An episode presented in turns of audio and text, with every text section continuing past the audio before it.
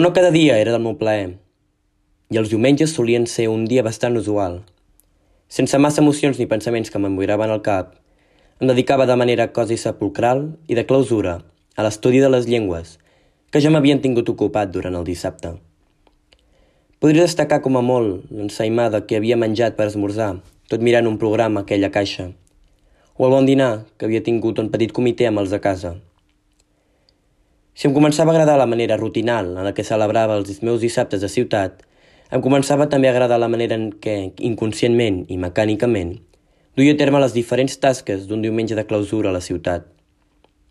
I tota aquella borrufada d'ahir s'havia esvaït, deixant una ciutat amb el cel serè i amb uns carrers prou lluminosos, lluny d'aquella penombra que els havia envaït fa dues jornades, i només amb la presència d'un sol tímid, encara no prou convençut de sortir.